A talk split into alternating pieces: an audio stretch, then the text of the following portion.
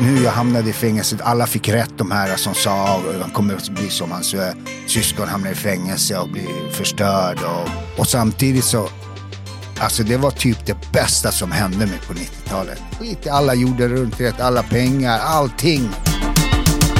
Dagens gäst har en blick som kan döda och en röst som skulle få både Sven Volter och Ernst-Hugo Järegård att bli avundsjuka. Han har tagit sig hela vägen från ett jordgolv i Serbien till Hollywood. Mannen verkar redan ha levt åtta liv. Eller vad sägs om idrottsframgångar, spektakulära rån, fängelser, rymningar, allvarliga sjukdomar och en storslagen skådespelarkarriär. Ändå ser man inget avtagande i leveranser. Tvärtom, kanske har han bara börjat. Så sent som för ett och ett halvt år sedan släppte han boken Där jag kommer ifrån, baserat på hans liv. Och kort därefter följde han upp med boken 21 dagar, där han samlat sina bästa tips från livet han tidigare levt. Numera är han flitigt uppbokad i de stora filmproduktionerna och till hösten är han aktuell som programledare för TV4s nya satsning Förrädarna. Låt oss presentera en person som verkligen har visat att allt är möjligt, trots en del brokiga grundförutsättningar. Men med massa kärlek ger han tillbaka till dagens kids och han är en inspirationskälla för många av oss. Dagens gäst är ingen mindre än Dragomir Gago Mirc! Fan vilken ära att ha det här Gago. Tack, tack. Vilken härlig presentation. Välkommen, välkommen. Underbart. Tack snälla. Vi brukar alltid börja med det. Vi bjuder gästen på en riktig stänkare som sakta men säkert kommer att bryta ner både dig, kroppen, själen, Okej. allting. Du vet vad, vad det gör, sprit gör med människor, eller hur? ja, ja, vi får se. Så tar man en grön drink från onefitsall.se som vi själva dricker. Och det folk upplever med den här gröna Mm. drinken, som har 43 verksamma ingredienser i sig, det är att man minskar stress, man orkar mer både mentalt och fysiskt och man återhämtar sig mycket snabbare.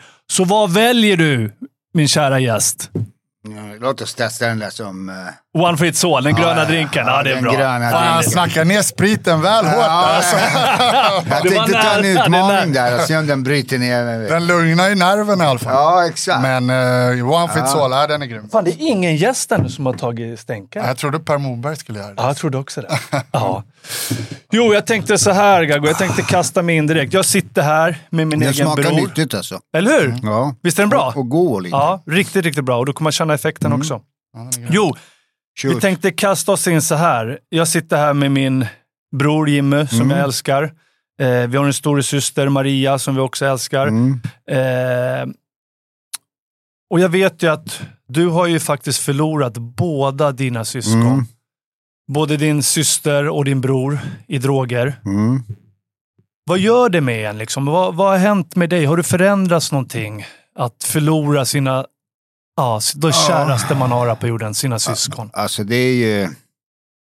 Det är svårt att lägga ord på vissa eh, känslor som, eh, som man upplever i livet och eh, de svåraste känslorna att lägga eh, ord på är ju när man förlorar någon och eh, eh, det var ju, alltså för mig var det, har det, var det alltid liksom, var det en oro sedan jag var liten.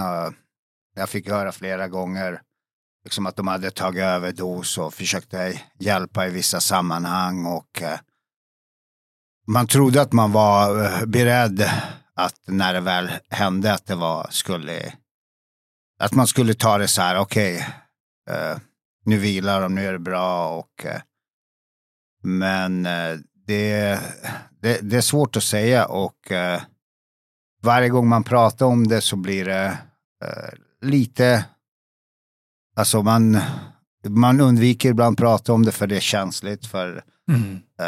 eh, hur en hård man kan och vad man har gått igenom så har man lite lätt, lätt till att liksom bli blöt i ögat som min bästa vän alltid sa, som också tog livet av sig. Och eh, det är därför jag också undviker att prata om det. Och inte Är det ett skydd för att förtränga allting och för att skydda sig själv? Ja, absolut. Det är för att skydda sig själv och eh, man försöker tänka det, det är det förgångna liksom. Och, eh, Kan det vara så att man skuldlägger sig själv? Jag vet ju, våran pappa Ja, förlorade sin bror, våran farbror, i droger. Och jag han har ju- skuldlagt mig själv mycket på grund av det. För att när jag växte upp, det var det när min pappa kunde vara aggressiv. då var han väldigt aggressiv och då var det nio av tio gånger, och, ja, nio av tio gånger var det på min storebror. Han kunde ja, duscha han i kallt vatten eller han fick ställa sig i hörn och slå han. Och, han gjorde aldrig någonting mot mig. Vad tror du det berodde på då, Gago? Att han särskilde syskonen på det sättet? Jag vet inte. Jag har tänkt på det många gånger och eh, jag var ju väldigt, eh, det ska man säga, b- bra som kid för att jag var rädd. Eh, liksom och smög in och var tyst och höll mig... Var det för att du hade sett eh, hur de... Ja, för jag hade sett det och, och upplevt det en gång när han var väldigt så här, brutal mot hela familjen. när Han hotade oss med, eh, eh, med pistol i Serbien när vi var en gång. Och det satte sig lite så här att... Men var du rädd för din egen pappa när du växte upp? Ja, ja det var jag. Mm. Det, det var jag självklart. Alltså så här, det, in- inte självklart, men efter det man har sett så, så är man, blir man ju rädd som barn. Liksom. Och, eh, och sen försökte, visste jag alltid när han, när han var nykter och sådär. Då var han ju så här, det, var, han lärde mig spela schack. Det var ju som två olika människor.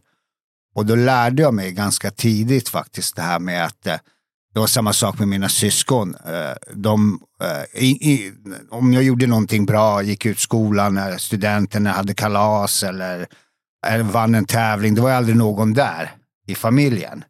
Och det var ju eh, inte på grund av att de inte tyckte om mig. Mm. Det var ju på grund av att de hade sina problem med narkotika och alkohol.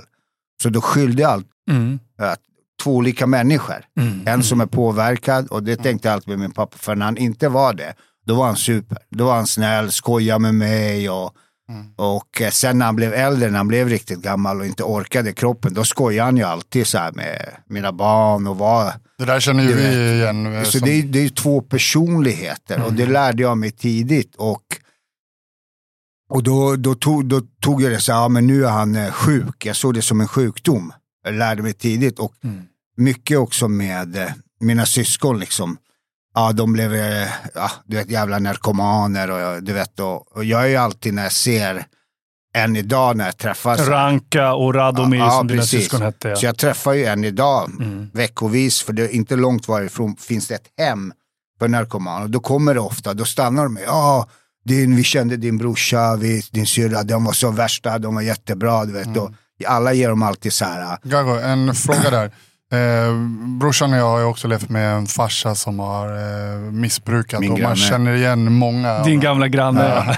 Och man känner igen mycket av det här du säger att eh, det här att eh, det finns ingen eh, riktig stabilitet. Det kan vara si och så. Det ena dagen kan det vara så här, andra dagen kan det vara så. Att man också någonstans skiljer på missbrukaren och personen. Samtidigt som att eh, det finns bara ett här och nu och oavsett om det är missbrukaren eller om det är personen bakom så, så upplever man ju det som upplevs som barn och, och man får utstå det som måste utstås. Men tror du att dina syskon hade klarat sig från drogerna om de inte hade varit med om det som de var med om hemma? Tror du att det direkt var en avgörande faktor? Stressen och allt det här med farsa som missbrukare? alltså, det, jag, jag kan ju bara tro. Alltså det är ju, det är ju skillnad om du växer upp med stöd från familjen och eh, folk runt omkring dig och stabilitet hemma. Och Kärlek, trygghet. Dig, kärlek, trygghet. Det är ju väldigt stor skillnad. Ja. Det är, eh, du vet jag brukar tänka så här, uh, Lewis Hamilton, han blev uh, Formel 1 kungarnas kung. Zlatan, Mm. Ibrahimovic. Vi har hur många som helst. Och när man kollar bakom dem, Lewis Hamiltons pappa Mm. Eh, gjorde lån på sju, deras hus sju, åtta, nio gånger Mm. för att kunna hjälpa sin son. Körde han, köpa utrustning till han. Zlatans pappa var fantastisk med träningarna, fanns där. Och det, de lyckas. Det för mig blir det så här liksom, det är klart du ska lyckas om du har någon som stödjer dig. För att man själv inte hade någon stöd, någon som hjälpte med läxorna, utan det var tvärtom. Man fick gå ut i trapphuset för att göra läxor för det skulle vara lugnt. Och, Men och ändå lyckas man. Men samtidigt, det kallas ju för maskrosbarn och du är ju verkligen ett exempel på maskrosbarn. Du har växt upp i jävligt tuffa förhållanden men ändå tagit dig fram och Ja, lyckats så precis. jäkla bra i livet. Men en fråga, var du själv nära att eh, börja med droger själv? Eller hur lyckades du hålla dig undan från det här? Alltså, jag var ju själv, jag har ju hållit på, alltså rökt och du vet, jag skulle inte äh, säga- Marijuana, Ja, hasch. precis. Ja. Där, liksom, om jag åkte tidigt till LA och jag, eh, 90-talet där. Jag ska inte säga att jag var, oj, jag sprang runt. Men jag var idrottskille och fick så mycket positiv feedback. När jag kom in i en träningssal, då spelade det ingen roll att ja, han kommer från den där familjen där de knarkar och dricker. Det var ingen som sa det, utan jag var bara en i mängden.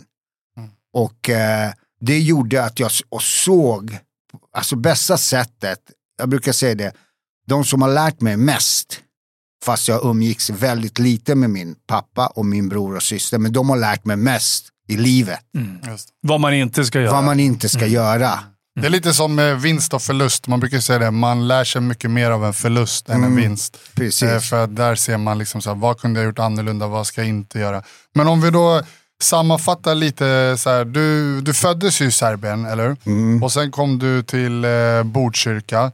Eh, och eh, vi har ju varit inne lite på det där att eh, en otrygg uppväxt och det. Och sen så hittade du ju din trygghet och vad jag tror då kanske i och med kampsporten blev det här ramverket. Och återigen finns det ju en igenkänningsfaktor från, från våra liv med eh, brottningen. Så berätta Gago, hur var det där i Botkyrka när du växte upp och hur kom du i kontakt med kampsporten? det, var ju, det kom ju någonting som, eh, inte dagens eh, ungdomar det, men video. Så videofilmer och video. Det, var ju, det fanns bara två kanaler på tv. Och så det man såg mest på tv var ju liksom cowboyfilmer. Och sen så fick vi en video. Och då började det cirkulera kung fu-filmer. Olika, så, och då fick jag en Bruce Lee-film. Ja. Det var den stora idolen. Man satt Det med var den polare stora och kollade på. Man Bruce önskar att dagens kids hade fått känna på Ja. det där. Bara hålla en video i sin hand Ja, och bara så här, det är den här alla har snackat om. Shit, Nya nu, Bruce Lee-rullen har kommit Ja, ut. nu går de bara in och så bara får de allt uppslängt i Allt, ansiktet direkt. allt. Ja. Så då fick jag en Bruce Lee-film. Jag tror det var Big Boss med Bruce Lee. Och sen kom de här andra. Och då såg jag, och då var det liksom, alltså, wow. Liksom, han, så där vill jag bli. Jag vill bli Bruce Lee. Och sen samtidigt, i samma veva ungefär, så trillade ner liksom en eh, lapp i brevlådan. Där, eh, och då se, eh, såg jag, kollade, då ser jag så här, det här, Bruce Lee det här. ser bara en asiat. Och jag hade aldrig sett, det fanns ju inte. Mm. Alltså jag vet inte hur många det fanns i Sverige. Så jag trodde det var Bruce Lee. Ja. Så jag gick ut, började kolla, gick runt där. Då såg jag uh, han Bruce Lee gå runt in i höghuset. Jag tänkte shit, han letar efter någon. V- Var är vi nu? Slutet av 70-talet? Eller? Ja, ja. och 77, 78. ja, just det. Ja. 78 där någonting och 8-9 år gammal. Så jag följde efter han, han kom ner, så här, jag såg han satt sig i någon bil och åkte iväg. Så kollade jag sådär, jag ser någonting, så här, träning, Bruce Lee, Mälarhöjden. Ja, jag säger till mina föräldrar, jag vill börja. De bara, ah, perfekt, då han är inte hemma. Min pappa följer med mig och in i lokalen, han bara, ah, här, han vill träna, här betalar. Så fanns det en pizzeria bredvid. Så han går in i pizzerian med mig och bara, ah, när han kommer hit, han äter eh, hur mycket han vill, så kommer jag och betalar varje månad. Alltså efter träningen gick du in i... Ja, så jag hade någonstans att äta efter. Bra check. Han växte på Så pizza. det var ju så här, Ändå blev man så uh, jävla bra i det. Ja, men det var ju så här lyx. Tänk om du hade fått riktig check. Då var bra Ja, det varit då. precis. Du tog aldrig sallad, caesarsallad? Nej, nej, det var väl så vi och Margarita. så det var ju så här bästa som eh, ha- hände mig. Jag kom bort hemifrån. När jag kom in i lokalen, då var det ingen som sa så ja, ja, som i skolan, ja, men hans familj knarkar, hans bror är på barnhem, hans syster där, hans pappa var full igår i centrum och bla bla bla. Utan det var, alla var lika värd. Vi har Alla ju jättemycket likheter där, äh, Gago. Det är precis så kände ju vi. Det var kaos ofta hemma, men när vi kom ner till klubben, där var det trygghet och ramar och Mm. Ja, ordning, regler och precis. disciplin. Och, Och barn älskar ju ordning och reda. ja, verkligen. Folk tror inte det, så, ja, men för mycket. Nej, nej, det är det, det, är det bästa ett barn behöver. Det är ordning och reda. Mm. Och på den var alla äldre än mig. det var ju alla de här, Rolly Gonzales, Tony Tefke, Roger Wendt och Mini. Gamla legender. Båda är döda. Eh, Och, och det var så alla var tre, fyra år äldre än mig, tog mig under vingarna lite. Ja. Och jag utvecklades ganska Mm. snabbt och blev... eh, Och sen rullade det på i, i den där eh, klubben till ungefär 87, 88 blev jag nordisk mästare. Eh, tävlade mot, eh, i SM tävlade mot så här, eh, en eh, tyngsta klubben i Sverige, Chagos. Chagos legendariska Ja, klubb. Vi tänkte vi ska komma in på det. Ja, tävla mot en av hans killar i finalen. Jag hade mina Milan och alla bakom mig. Från, Vem var din tränare då?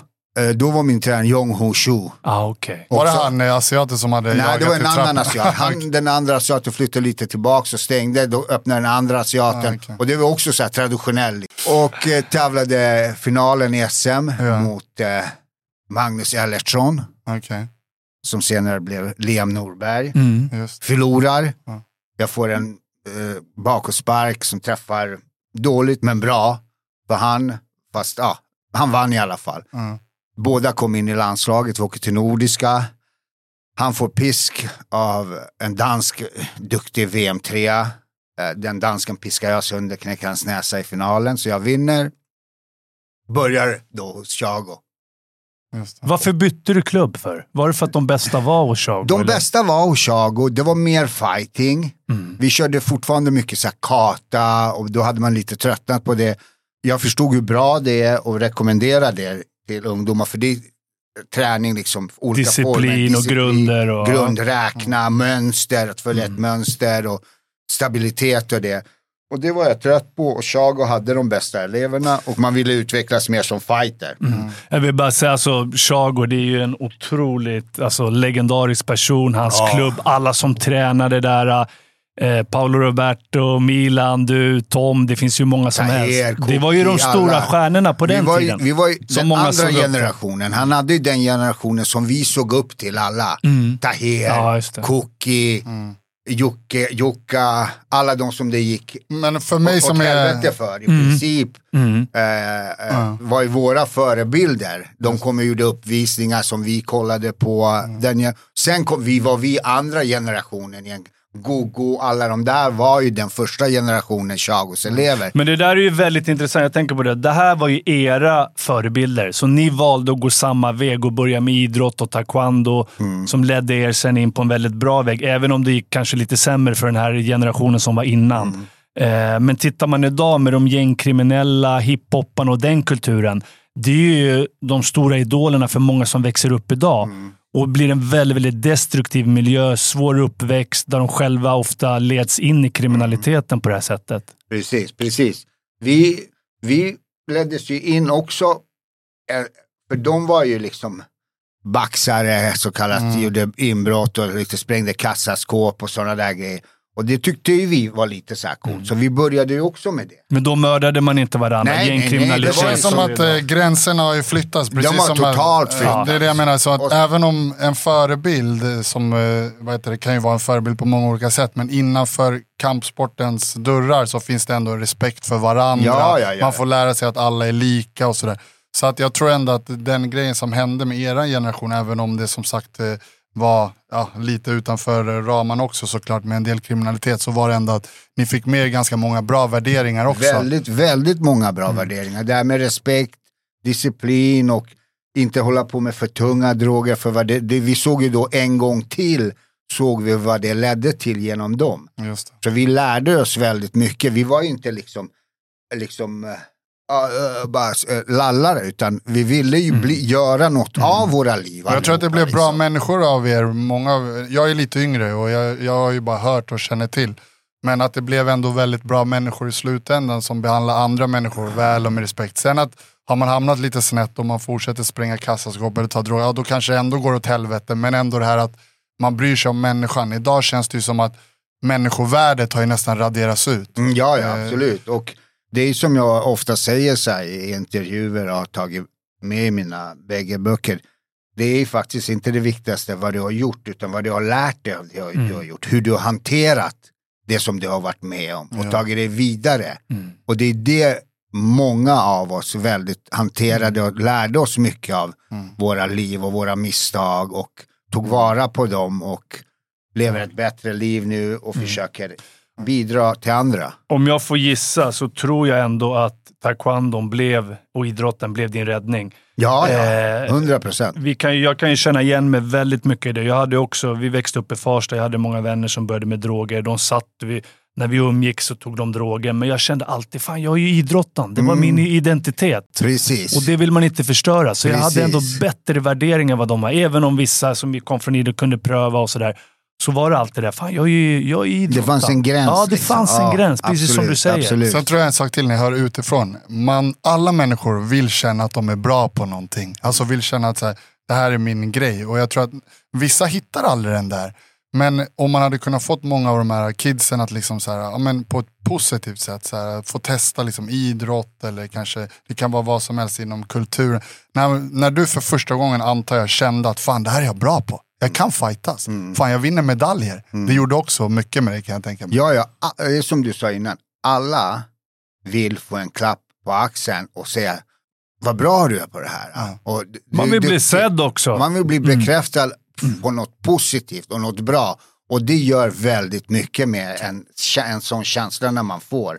Och det är det jag menar då med föräldrar som är där för sina barn eller någon eh, som säger vad bra, vi, jag kör dig till träningen, ska vi gå det, kramar om dig efter och ger dig positiv feedback. Mm. Då självklart att det är lättare att lyckas och få ett bättre liv än att du inte kommer hem till en tom kylskåp. Ja, exakt. Det är Alltså själva... det är ju liksom någon som tar dig till träningen lördag, som köper nya skor till matchen, Mm. som gör alla de här grejerna för dig för att du ska få ett bättre liv. Om du Alla växer upp vi- utan det med örfilar eller Mm. ännu värre, tomma kylskåp, det är klart det är svårare att eh, nå sina mål och eh, bli ett bidragande, positivt bidragande i samhället. Ja, ja, Vi ja. måste ha någon som tar hand om dig och hjälper dig och pushar dig när du är barn och även när jag är som vuxen. Om jag inte hade haft, i, när vi kommer då till senare i nästa, liksom, typ nästa kapitel, om jag inte hade haft de här människorna. Sen åkte jag, i- kom ju 90-talet Mm. och då blev jag ju liksom först, började spränga kassaskåp och göra eh, inbrott eh, liksom på För om, Vi ska komma dit. Vänta, vi ska komma dit. Jag måste bara fråga en innan vi lämnar det här. Eh, Det går ju så otroligt mycket rykten om den här tiden med Tjago, Kungsan-tiden. Jag tror inte folk riktigt förstår där ute hur stort det här var. Alla skulle kunna Ja, sparka ja. och kicka och det var fighting och det var i speciella Kungsträdgården. Det var skor, ligor. Tjago-skor och- Ja, Tjago-skor och allting. Men jag tänker så här, det går ju rykten om att Tjago, han tog sina elever, er alltså, Mm. ut till Kungsan-kravallerna som var så otroligt stort och där alla, det var fighting och så. Att ni fick, det när du övat i klubben, det fick ni liksom ut och testa på gatan och det verkligen funkade på Kungsan när ni var ju där ute och slog. Stämmer det här? Är det en myt? Är det en myt? ja, inte, inte från hans rådgivning. Ah, Okej, okej. Men han var ju väldigt mot egentligen Chago. Innan jag började lite, då var han liksom ute själv och slogs med skinheads, han blev knivhuggen och sådär. Men när vi där körde, började slutet på 80-talet, då hade han landat lite. Då var han liksom så här, men ta det lugnt nu grabbar. Han var liksom som en liten pappa. Han tyckte inte det var, han tyckte inte det var bra att slåss och vara kriminell och det. Kunde Har du man- någon minne från den här tiden? Ta oss med någonting från klubben eller när ni var ute. Någon Kungsan-tiden. Något som hände. Ja, det var ju liksom, alltså det hände ju ofta, liksom, bråk på, kung, bråk på Kungsan om man såg och eh, liksom eh, med skinheads. Ah, Okej, okej. Det var ofta Eh, Det var, ja, precis. Okej. Helikopterplattan i Gamla stan. Just. Man åkte dit och letade upp. Det fanns ett disco där också. eh, Skinheadsen då? Strömsborg, eller? Nej, det, det låg Nej, lite det var längre lite bort. senare. Ja, lite det var där. Men då måste jag fråga, de här skinheadsarna då, som hängde där på helikopterplattan. Jag är ju som sagt lite yngre än er. Mm. Jag har ju hört mycket av de här storiesarna. Så sen, det är så jävla kul att du kan berätta för då får man höra vad som var sant och vad som var myt. Men eh, skinheadsarna de hängde där på helikopterplattan Mm. och sen samlade ni liksom ett hop, ett gäng och drog dit för att spöa på dem. Var de tuffa de här skinheads? Ja, ja, de var upp? tuffa. Alltså första gänget innan oss, det var ju eh, grabbar från Fittja, min brorsa och deras gäng. Det var ju Gringos. När, när den kom, eh, eh, vad heter filmen? Warriors. Ja, Warriors. Det är första gängfilmen. Och då het, kallar de sig Gringos. Då åkte de in, slog på skinheads och tog deras bombarjackor. Ah, Okej, som en okej. symbol. Liksom. Som en symbol. Truf, och det är därför äh, liksom, orten och alla vi då, vi började med bombarjackor. Och sen så hade vi hört det och då började vi åka in och då hade varit liksom eh, nästa stora gäng som blev, det var ju Fittja Boys. Ja, just det. Det var ju liksom, okej vi ska åka. Och du är uppvuxen i Fittja. Ja, jag är uppvuxen i Fittja. Då var ju, det var ju vi, bokstavligen, jag har gjort eh, även program eh, med Leif GW Persson om det här. Det var ju jag och tre, fyra polare till mig som startade det här. Shunne, Guzz, Aina och det här språket. Bokstavligen jag som startade det. Okej, okej. Som används nu i filmer, i musikvideos, finns i ordböckerna. Moderaterna använde Aina i valet för, för förra valet eller vad det var. Och vi gjorde det språket för att andra inte ska förstå oss. Och sen en gång så samlades vi allihopa. Då kom det från Rinkeby, från alla håll gäng.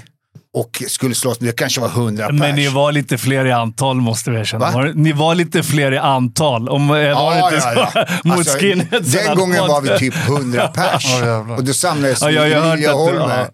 Och då hittade vi, och då skrev eh, en eh, turk som hette Ashi, stod längst fram som var jätterolig kille. Fittja boys! Och då trodde ju alla runt omkring att vi var typ 100 pers. Mm. Så då fick ju Fittja boys värsta så här ryktet. Ja, Fittja boys, Fittja boys. Och sen så fastnade liksom Fittja boys och sen eh, kom ju då nästa stora gäng som blev massmedialt. För Fittja Boys skrevs det också om i tidningen, men sen kom ju det mest ökända gänget, Örnligan, Ja, föddes senare liksom. Har du kvar örnen på axeln? Ja, det är klart. Får kolla. Och lite Ja. ny, ny, ny färg och Och det är ju väldigt mytomspunnet också om Örnligan. Och vilka är det som... Eh, Alltså den, den kom ju till på... eh, det var väl många, de flesta, eller väldigt många som tränade hos Chago som gjorde en örn. Precis, och den, om man kollar, så håller, symboliserar ju den, örnen håller en pil. Mm. Det är ett hapkido, det är att den är snabbare än jägaren. Den, ja, bytet är snabbare än jägaren.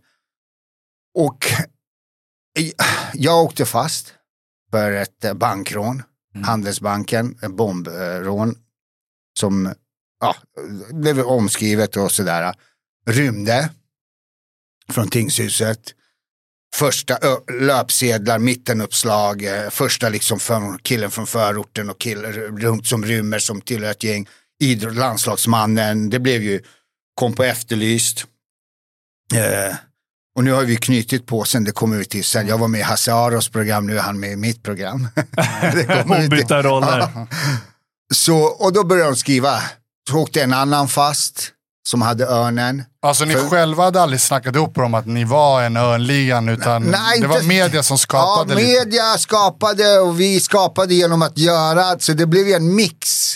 Och sen så stod det Örnlig, och alla hade ju då Örnligan, Militärligan, Gorbyligan, det var ju så här äh, ligornas tid, äh, liksom rånarligornas tid. Men det var ju många från Chago som Milan och Paolo ja, ja, och du ja, ja. och, ja, fast Paolo, som hade själva örnen. som även hade... om man kanske inte var med i alltså, örnligan. Precis, det var ju liksom kanske 40-50 som gjorde som inte hade någon aning om det. Så uh, fortsatte det, sp- spinde det på hela 90-talet, så vi var ju den som då överlevde alla de här andra och sen 20-talet så har det gjort, jag vet inte hur många, även dokumentärer, poddar om Örnligan, liksom, de pratar Många var ju födda 1969, ja, så jag vet stod de ju gjorde ett reportage om alla 69 69 som flyr under Ja, världen. den förlorade och- generationen och Ja, så vidare. precis, precis. Och när är du född?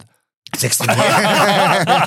Men Gago, okej. Vad heter det? Bara så att eh, jag som inte var med, så här, bara så vi samlar allting. Från att du var inne i kampsportsklubbarna, ni eh, grabbar själva där började skapa olika konstellationer, ni var från olika förorter. Det började med att ni åkte in och slogs mycket som du sa i Kungsträdgården. Ni gjorde vissa små brott har jag förstått vid sidan om. Och eh, även slogs med skinheads och sådär. Men hur, var liksom, hur tog ni det därifrån mot det lite mer organiserade? För sen så kom ju du in på bankrån, eller hur? Och, eh, ja, det var ju då att eh, hade, alla var alltid äldre än mig, polare. det började så här, man, man hörde lite så här om uh, Maskeradligan, Mats Rindahl och dem. Oh. Och så började man tänka, jag hade en polare som var min absolut bästa vän. Som sa liksom så här, ja men eh, jag har två stycken som gör, som är tunga rånare. Istället för att vi ska ta de här Ican Gag och uh, baxa den, ta det som finns där. Vi tar värdetransporten som har hämtat på 30 Ica. Så får vi allting. Istället för att få 200 Varför 000. hade ingen annan tänkt på det? Jo, de hade ju börjat redan. Som maskeradligan, det fanns en, några andra juggar som hade rånat Ops var jag bodde. Jag fick fem miljoner. Och då gick de ju med vanliga väskor, in och ut. På och den tiden var inga så här inga färger på patruller, Nej. inga specialväskor, ingenting. Jag hade en kompis som jobbade som värdetransport. Ja, vi har ju fått lära oss att lämna över. Och då börjar man lite så här, Jaha, men om de lär sig, börjar så här ursäkta, för jag tyckte, visste att det var fel någonstans. Men samtidigt så var jag 20 år, riktade min energi fel, ville köpa skor och gå, kunna gå ut nya så inte man blev, ja, kolla gamla skor. Fick ingen stöd, hade aldrig stått i någon bostadskö, alla flyttade hemifrån. Hur ska jag, du vet så här, jag hade ett jobb som jag fick sparken från. Du växte upp i väldigt tuffa förhållanden med vet, väldigt så här, lite så- pengar. jag nu förstått. såg jag liksom, och, om jag ska gå ut med en tjej, ska jag, jag, ska, jag har inte råd till tunnelbanan. Ska jag har inte råd till skor, ny t-shirt, strumpor. Och, och det här såg jag en utväg för eh, ja, ett bättre liv. Några, en timme och så kunde allt förändras. Ja, precis. Men var ni några, några stycken som började snacka lite löst? Ja, vi var började snacka lite löst och sen så, så ja men en visste att det fanns en värdetransport som gick då, då vi kollade upp den.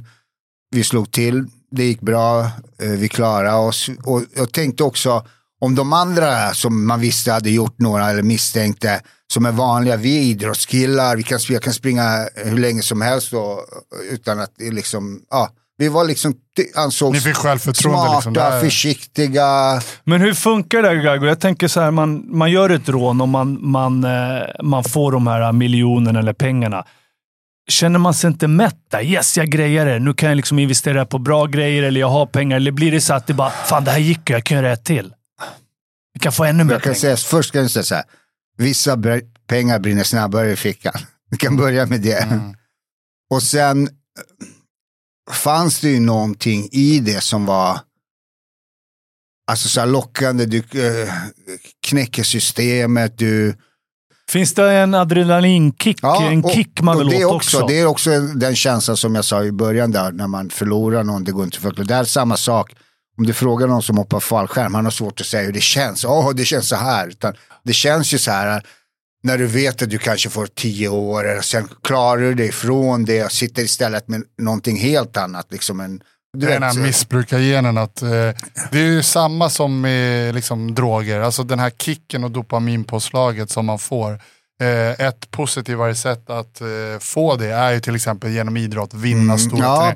Men också det här med kriminalitet, det ligger så nära till hands. För att bara det här du berättar nu, liksom, så här, det är en förberedelsefas, man eh, hypar upp sig, man liksom går in och nästan så här, vinna skallen, nu ska vi klara det här. Och sen klarar man det kanske efteråt, då får man den kicken med det Mm. dopaminpåslag. Som, det är inte så svårt att förstå att, eh, det var liksom, att det ledde in på just den typen av brottslighet.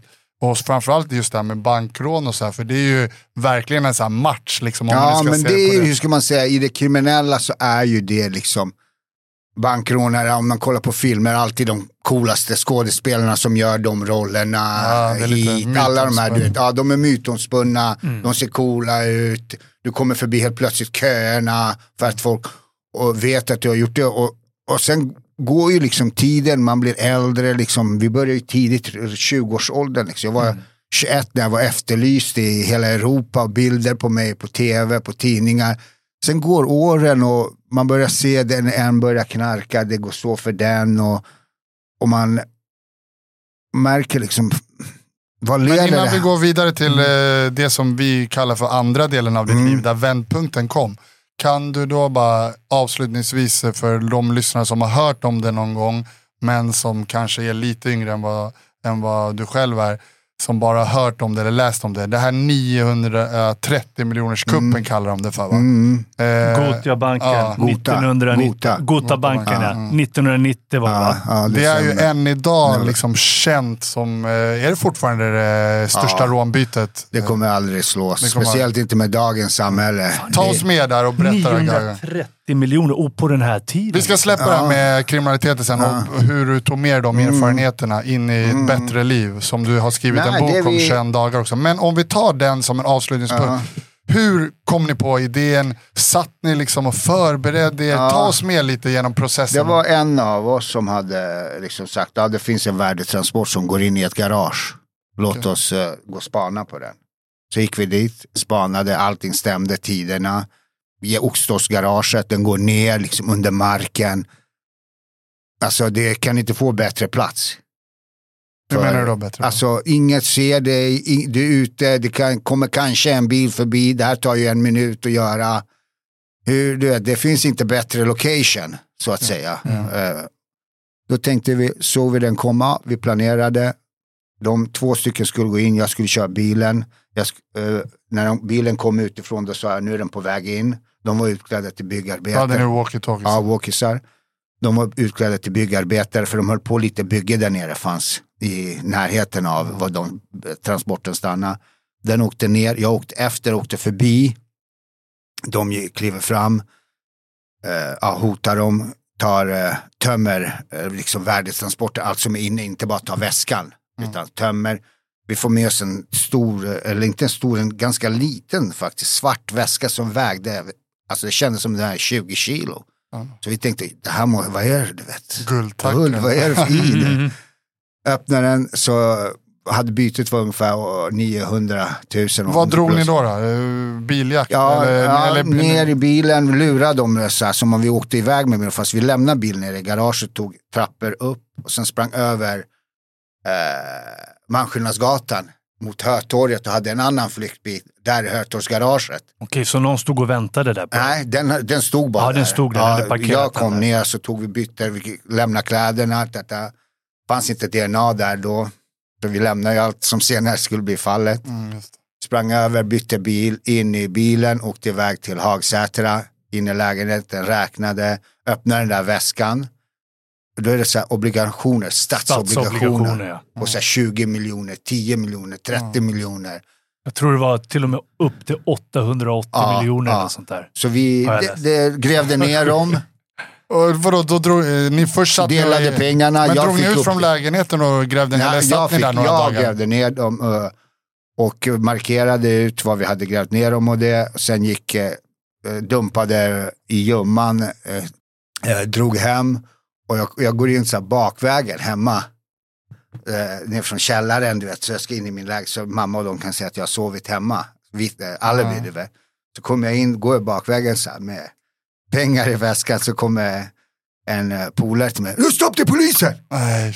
Nej. Och jag bara, hjärtat. Oj, oj, oj. Jag bara vänder mig. Ditt hjärta måste Ja, jag vara bara- i halsgropen. Han hade, visste ingenting. Ja. Och sen så uh, åkte vi jorden runt. Och sen efter, när vi hade varit jorden kom tillbaks. De började hålla på med DNA. Uh, da, da, da.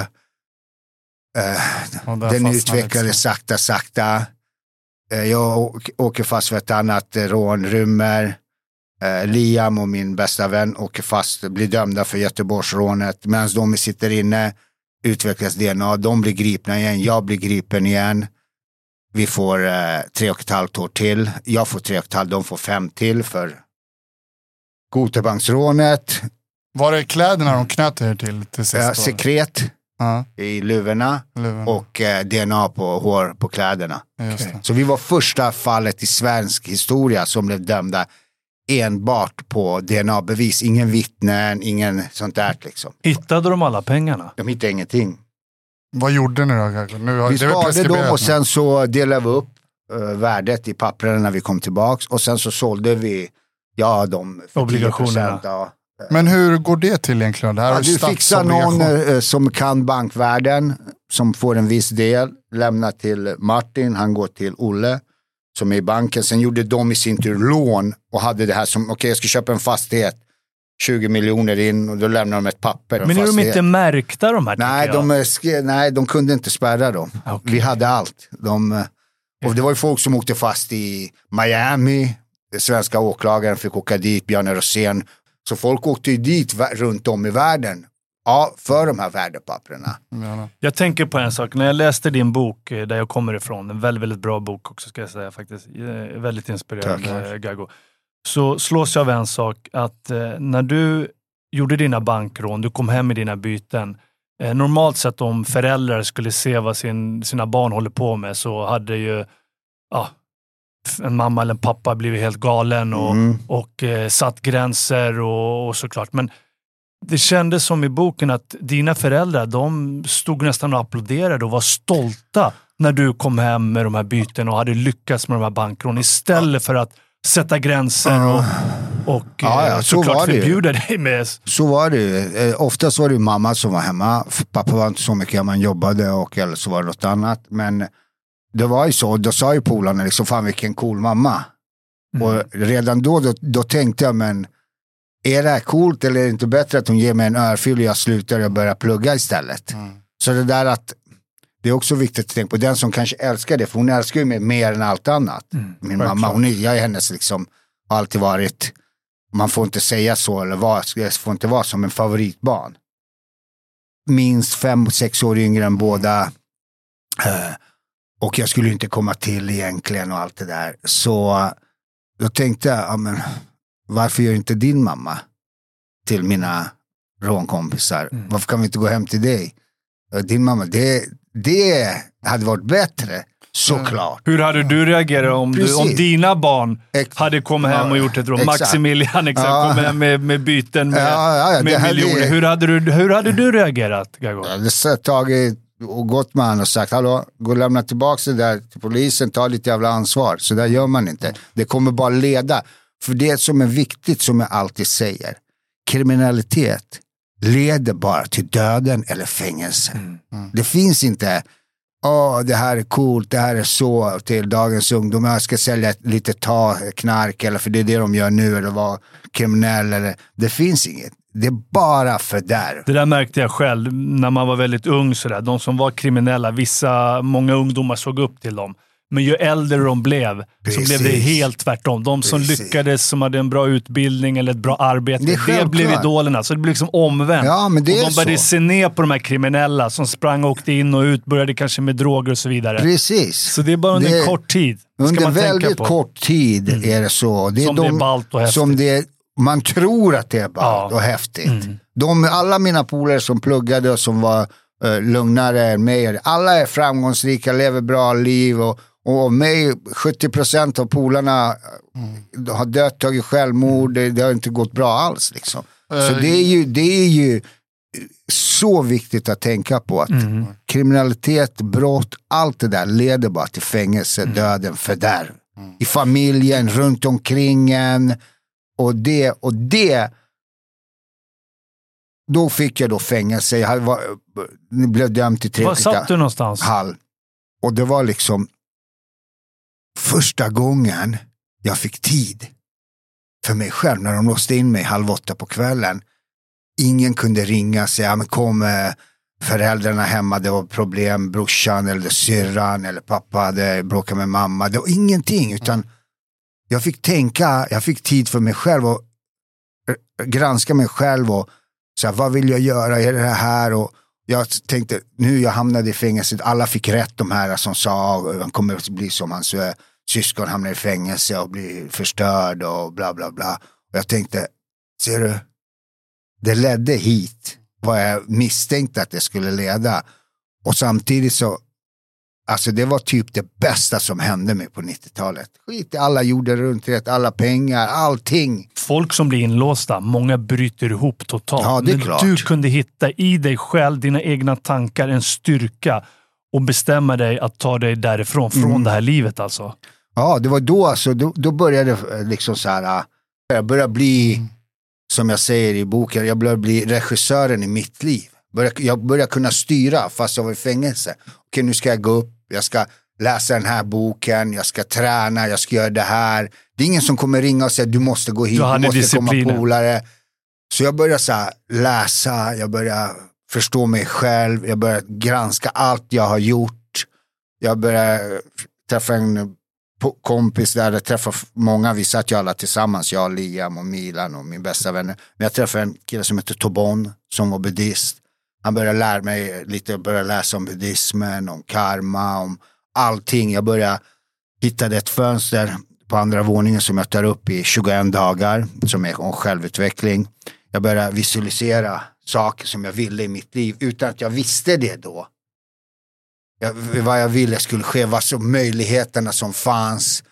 Och då blev det som en liksom så här, jag blev glad fast jag inte hade, jag var inte där ännu, men jag var lugn i mig på Men något det här sätt. måste ju vara väldigt ovanligt kan jag tänka mig. För att många säger ju tvärtom. När man åker in i fängelse så träffar man andra kriminella. Man börjar Ja. direkt planera andra brott och så vidare. Men du verkade på något sätt hitta en annan kraft och energi att eh, vilja ta sig därifrån. Ja, men alltså jag, jag är inte dum. Jag vet ju, jag säger ju, jag, jag måste ju någonstans leva efter det jag säger. Jag vet att kriminalitet leder till det här, där var jag hamnade. Jag har, fått jag har sett min syrra, min brorsa, brorsan har suttit kanske 20 år av sitt liv innan han dog totalt i fängelse. Min syster, alla, min pappa har suttit i fängelse för mord. Min mamma satt häktad för, jag har sett vad det leder till. Och då kan jag inte bara, vad heter det? Förneka det Förneka det. Jag är inte helt. Men och det är tänker- det de måste man göra. Man måste inse och Och göra. Jag tror också att eh, två saker, eh, så att, nummer ett, om du är uppe i någonting och du är inne i en spiral, det är lite det du beskriver, att så här, för jag kan tänka mig, polare ringde dig, de ville ha med dig på nästa grej, det var stress, du hade stress för vad som hände med syrran, med brorsan, eh, alla som, liksom, poliser som jagade dig. och Så vidare. När du väl satt där innanför de här eh, fyra väggarna, så var det liksom din första gång kanske du stannade upp och verkligen gick in till dig själv. 100 liksom. procent, inte kanske det var det. Ja, och det är ju lite som, alltså om man ska ta det i en annan kontext, i dagens samhälle när alla sitter med sina telefoner och det ringer och hit och dit. Och vissa så här behöver bryta loss helt, kanske så här åka iväg och liksom, eh, till ett kloster i Tibet, Ja, vad vet som jag. retreat eller vad de säger. Exakt. Så det blev lite, eh, eh, ironiskt nog, din Ja. ej självvalda retreat Absolut. att hamna där. Och jag tror det hände Absolut. otroligt mycket då. Och det är en liten passning till alla där ute, att man behöver kanske stanna upp ibland. Framförallt om man är inne i ett Inte destruktivt... man måste stanna upp, inte Ja, behöver, man, exakt. måste, Man måste kanske inget kanske. Nej. Man det- måste stanna ihop, ge tid till dig själv. Ja, exakt. Vad vill du? Hur vill du? Vad vill du nå dina mål? Man måste bli regissören i sitt liv. sitt eget liv. Och det är sagt det här. som sakta började där inne till mig. Och jag bestämde mig, jag ska bli en helt annan människa. Jag ska lämna den här Gago när jag kommer ut. Jag måste vara lite när jag sitter Och inne. jag tror att många som är inne i den där spiralen idag, kanske kriminella, om de bara hade ju fått den här möj- eller tagit sig den här möjligheten, eller vad man ska säga, och stanna upp och så här zoomat ut lite grann. Är det den här personen jag Mm. vill vara och börjat prata med sitt inre, så hade nog alla svarat samma sak på Vill den jag vara kvar här om fem, tio år i den här Men man är så världen? inne i det där hjulet. Men Och det här är ju till alla. Det har inte med om du är kriminell, var du är i livet. Det handlar ju om alla nu här ute i samhället. Alla behöver stanna till, lägga ner telefonen och tänka vad vill jag? Vad vill jag uppnå? Vad vill jag? Börja tänka på sig själv, inte leva någon annans liv och stå och titta på telefonen och scrolla och säga Okej Gago, vi måste eh, komma in nu på den Ja. stora, stora, stora revanschen. Jag är så Mm. jäkla imponerad. Du har berättat nu om det mörka, din uppväxt, dina syskon, dina föräldrar, eh, kriminaliteten. Men hur fasiken lyckas man vända ett så stort bagage som du hade på din rygg till att göra något bra med sitt liv och komma in i skådespeleriet Mm. och allt det. Vad, vad var vägen ut och hur lyckades du? Vägen började med att jag, man måste bestämma sig. Man måste börja se i sin Och det här skriver du i 21 Ja, dagar 21 också. dagar. Ja. Se saker som du vill förändra. Och det räcker inte med att se dem. Du måste vara praktisk också. Om du vill se att du gör en film på engelska, då måste du börja läsa engelska och lära dig. Du måste agera. Det räcker inte att stå, åh, jag vill det här. det." Men Du måste ha en plan. Du måste ha en plan som du fullföljer och gör om och om. Jag säger ofta, försöka är att vinna. Försöka är att lyckas. Du får försöka om och om igen. Så jag kom ut, jag hade tänkt vad jag vill göra. Jag hade haft idrotten alltid nära mig. Jag skulle börja plugga igen. Det här var när du muckade Det var när jag från, muckade eh, 99 från Hall. Jag skulle börja plugga igen. Så gå från att göra det största bankrånet i Sveriges historia till att jag ska börja plugga. Ja, jag var ju offentlig person i vissa kretsar Mm. när jag var från 21 år, liksom, på löpsedlar. Mitt så jag var ju, det var ju min identitet för de flesta. Så det var inte bara att du var, hade gjort och ingen visste. Utan många visste ju. Eh, Någon känner någon som har berättat och liksom om jag kom på någon juggefester eller någonstans, kaféet där, då visste alla. Ja, "Åh, men du var han." ju en dådis-kändis på den här tiden. Precis. Det Och- var eh, din identitet och som du säger, det är svårt att bryta det Ja, mönstret. precis. Från att vara tuffa Gago till att okej, nu ska jag göra någonting helt annat. då måste man bestämma sig och börja agera. Hade du planen klar för redan på kåken? och Hade du suttit och så här, Ja, ja. det här är steg ett eller? Steg ett, sluta. Ja. Jag vill komma hem. När jag kom ut blev frugan gravid. Jag vill komma hem till mina barn. Hellre att jag jobbar i en gruva och kommer hem i lugn och ro och kan säga, slippa ljuga till mina barn och vara ärlig. Komma hem i trygghet. Och... Så jag började plugga, kom in på Bosön för mina meriter och jag hade gått ut skolan. För dina idrottsmeriter? då? Idrottsmer- Ja. landslaget, nordisk mästare. Vad var det för utbildning? Var det en tränarutbildning? Idrottsledarutbildning, Ja. två år. Ja. Så jag kom in samtidigt, eh, hör en OS-kille, Roman Livaja av sig och frågade om jag vill bli hans tränare i SOK-programmet. Sveriges Olymp Sveriges olympiska ja, kommitté, precis. toppprogram som tränare. Och han bara, vi kommer åka dit, Vilken OS-uttagningar, VM. Jag bara, de kommer inte ta emot mig. Jag har eh, fortfarande skulder, mitt bagage, Bankrån. bankrån och löpsedlar. Det är Svenska olympiska kommittén toppprogram. Det är inte att jag ska jobba på ett gym i stan på, som tränare. Jag ansöker, han, han ansöker, skriver in mig. Glenn Öst, ni vet ju vem Glenn Som Öst jobbade på SOK, Som jobbade på som jag hade han hand om fortfarande jobbar kampsporten. för Ja, sportchef. han hade hand om eh, tränare och kampsporten. Han godkänner mig. Jag fattar ingenting. Mm. Där kom första tanken till mig. Snacka om att få Någon, det här som jag säger, någon ger dig som en förälder. Någon stödjer mig. Och när någon stödjer mig, då gör jag inte det här längre för mig. Jag gör det för han. För att alla ska säga, jag vill göra han stolt som ett barn vill göra sin förälder stolt. Jag vill göra Glenn Öst stolt så alla säger att han hade rätt. Fan, nu får jag gåshud alltså. Jag kommer i tid, jag är först där, går sist, tar hand om alla. Roman säger det liksom fortfarande till folk.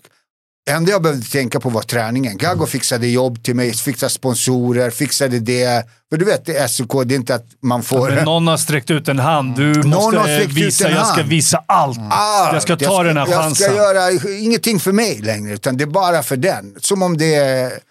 Och Så- det har varit mitt största driv och det har varit att jag så här, äh, jag blir, eh, hur ska man säga,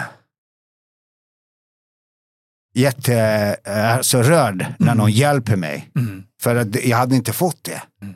Jag hade inte fått hjälp, jag hade inte fått, kom ut studenten, ingen stod där och sa åh vad bra Gago. Så en passning där ute. Sträck ut en hand, hjälp människor, ge dem en andra chans. Och ett stort tack till Glenn Öst, eller vad säger Ja, du? jag skojar du. Som gav dig, trots din bakgrund, Ja. så gav han dig chansen Precis. som blev din vändning i livet. Precis. Så det var ju så här, wow. Tvekade du någon gång? Att du sa nej, fan det här kommer inte funka. Jag går tillbaka klart. till det gamla. Det är klart jag satt på kvällarna, inte gå tillbaka, men jag tvekar, jag kommer inte greja. Jag skämdes så här, hur ska jag säga om någon frågar mig vad jag har gjort innan i skolan, vad ska jag för story på grund av mitt, men Du kände att du inte riktigt var värdig så- chansen kanske? Precis. Sakta och sakta så funkade det, det gick bra. Vi åkte runt och där, folk bara, "Ja, men jag vill att han coachar min också.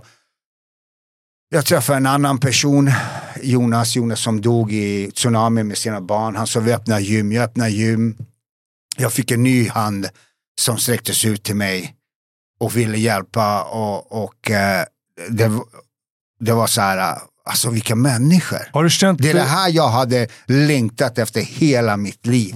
Någon som stöttar Någon mig, som, som hjälper stöttar mig? mig, som tar min rygg. Ja. Som, Du eh, får bli bekräftad. jag får bli bekräftad och, och så var det ju i, när jag gjorde busen. Då hade jag en bästa polare som sa till mig, fan du är grym, du tänker extra gag och vi gör som du säger, du inte går bara all in. Och, då tänkte jag, men jag kan, det här kan jag göra. Och nu var det i den goda eran. Mm. Och sen så kom filmbranschen. Då kom Malte Forsell. Du måste få berätta det när du Ja. blev upptäckt. Jag tänkte bara en liten grej. bara så här. Eh, Det är så intressant när vi sitter och pratar så här, för jag tror att många där ute efter det här avsnittet kommer att förstå lite de bakomliggande liksom, parametrarna eller funktioner eller vad man ska säga av hur det kan gå väldigt snett för en person. Men också hur med ganska små medel man skulle kunna rädda en person. För i grund och botten är vi alla människor.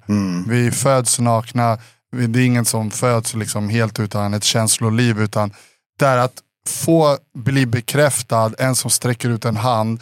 Och du är ett bevis på att så här, när den chansen kommer, om man inte har fått den chansen, hur, jävla, hur rädd man är om den eh, grejen då.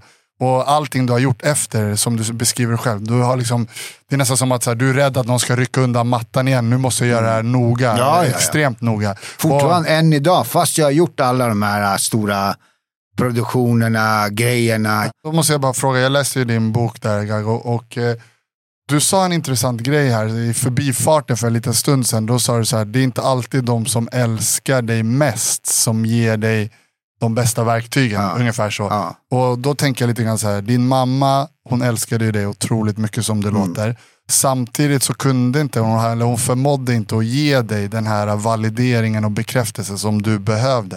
Vad tror du det berodde på? Du skriver bland annat om en situation som jag tog väldigt illa vid mig när jag läste det. Du skulle ta studenten, du hade kämpat dig tillbaks och ändå klarat dina studier, att du kunde ta din student. Och du kommer ut på skolgården och alla dina polare springer fram till stora entourage med föräldrar och släktingar och, som firar tillsammans. Och du ser dem runt där på, du ser det runt där på skolgården och eh, du förstår ganska snabbt att ingen är där för att ta emot dig och fira dig. Och ändå så vet vi ju nu efter att ha hört det här att din mamma framförallt, hon älskade dig väldigt mycket. Men varför var ingen där? Och vad berodde det Ja, det är som jag säger att eh, jag, jag eh, eh säger då, och både i mitt försvar och i deras försvar, att de hade sina problem. Min brorsa och syrra kanske var fängelse, de kanske var eh, påverkade. Farsan, pappa jobbade säkert, det var ju på dagen man tar studenten. Mamma var säkert på jobb, men de borde ju ha tagit ledigt. Pappa och mamma åtminstone. De borde ha skärpt till sig syrran och brorsan den dagen om de var ute. Man borde ju göra det. Det är För att ens barn och ens bror eller syster. Men nu var det inte så och eh, eh, så jag, eh, så jag egentligen orkar inte okej varför, du vet. För att det som har varit har varit. Mm. Och eh, det viktigaste i ens liv för att gå vidare själv, det är att förlåta och lämna det som har varit. Och jag har förlåtit och lämnat. Så jag har inte, för mig är det fortfarande de inte kunde av olika anledningar. Om det är något annat så jag har förlåtit och jag har gått vidare. Och det, det är för mig det bästa och enklaste Man måste kunna svaret. förlåta man för att måste, kunna gå vidare. Man måste förlåta vad än det har hänt i sitt, ens liv. Och gå, för att kunna gå vidare måste man förlåta. För annars blir det som ett Mm. R eller ett hack i ditt system. Flow i livet som kommer hela tiden göra. Vet du vad jag tror, eh, förlåt bara, jag ska bara säga sista. Vet du vad jag tror att det beror på lite grann också?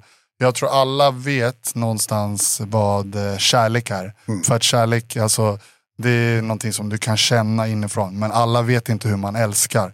Det är också någonting, så här, det är verktyg som man får med sig. Din mamma kanske inte förstod hur viktigt det var att hon bekräftade det vid sig. För hon hade aldrig fått den bekräftelsen. Det är som när man ser vissa Absolut. relationer. Man, skulle man kunna mäta hur mycket den här ena personen älskar den andra personen.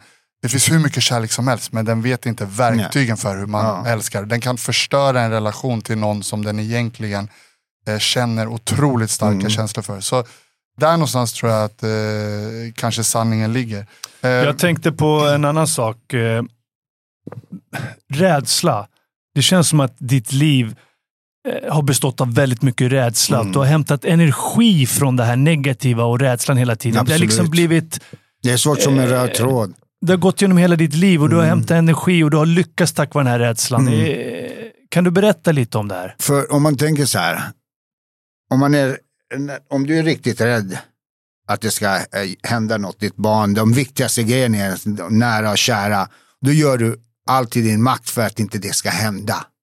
Det är för mig rädsla, att göra allt i ens makt att inte det ska hända. Man brukar De prata, säger- en del motiveras av mot, eller mer motivation och en del av hotivation. Ja. Alltså hotivation, Ja, att det är precis. hot, man Ja, är rädd. exakt, exakt. Då kommer man igång De och kan säger det prestera. där eh, som man säger, jag var så rädd att jag blev helt eh, scared, paralyzed. Jag var så rädd att jag blev helt paralyserad.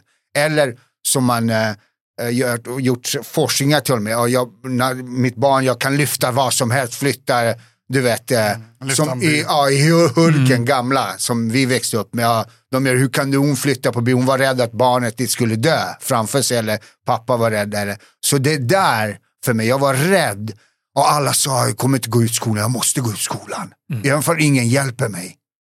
Jag, måste, jag var rädd när jag skulle gå matcher, för jag måste lära mig då bra. Och Jag måste bli bra om jag ska klara mig. Du var rädd när du gjorde bankrånen. Jag var rädd, då när måste du det studerade. bra banker, jag måste planera så ingen är där, ingen ser. Vi får inte lämna det, det var det. det. Så rädslan för, för mig varit den största drivkraft. Jag var rädd, tänk om något händer, jag ska bli uteliggare, jag ska hända, jag, när jag går förbi. Det kan hända. Och du berättade jag måste också i, jobba. bok, i boken berättar att varje gång du hade ett nytt jobb så tänkte jag det här är min sista, säkert mitt Ja, sista ja, ja, Jag du måste- känner rädsla även där och kunna leverera Ja, hela tiden. det och så är det eh, än idag. Liksom, så de två grejerna, att jag vill göra det bästa och den där grejen med att någon hjälper, någon tar ens rygg och säger, ja men Gaggo, jag, jag hjälper dig med det här. Jag, det, för mig är det så här, det finaste, det bästa eh, som eh, när någon räcker ut en hand.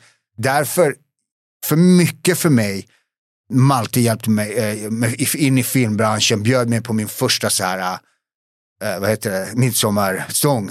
Jag hade aldrig sett Midsommarfirande. Ja, midsommarfirande, landet så här och jag bara, oh vad är det här varför, du vet, var snäll. Sen kommer en annan fare, sen kom den personen, sen kom den personen som hjälpte mig. Och det är det jag har eh, samlat eh, och jag får dagligen på DM olika grejer. Hur har du gjort? Vad har du gjort? Och det är därför jag har samlat i 21 dagar det här med mina erfarenheter så jag kan hjälpa andra. Och jag försöker alltid hjälpa andra. Någon skriver, Känner du att du vill betala tillbaka Ja, och klart. hjälpa även andra människor efter Ja, det du själv har varit med ja, om? det jag har varit med om och framförallt betydelsen, vad det är att någon, för mig räckte det att ha en bild och se en videokassett, att tänka bra på Bruce Lee, vad han sa, be water, water can flow, water can crush. Det, att du, det betyder i princip att du har möjligheter till allting. Eh, är du kines eller är du amerikan? Vi är alla en familj under stjärnorna. För mig räckte det med att se, för tänk då om jag är någons eh, idol eller någons förebild, att få en sms från mig eller ett DM, vad det betyder. Därför jag försöker svara. Eller att få en bok som har lagt ner sina erfarenheter då. Och just att det i, i 21 dagar är det praktiska grejer också som jag har gjort för att ta mig vidare och för att uppnå mina mål. Så det är egentligen Så för mig behovet av, eh, ovärderligt att hjälpa någon och finnas där för någon. Ja. Det har Och det gjort finns en att jag, egen tillfredsställelse när man hjälper Precis, andra också det är att såklart. jag har gjort, Mm.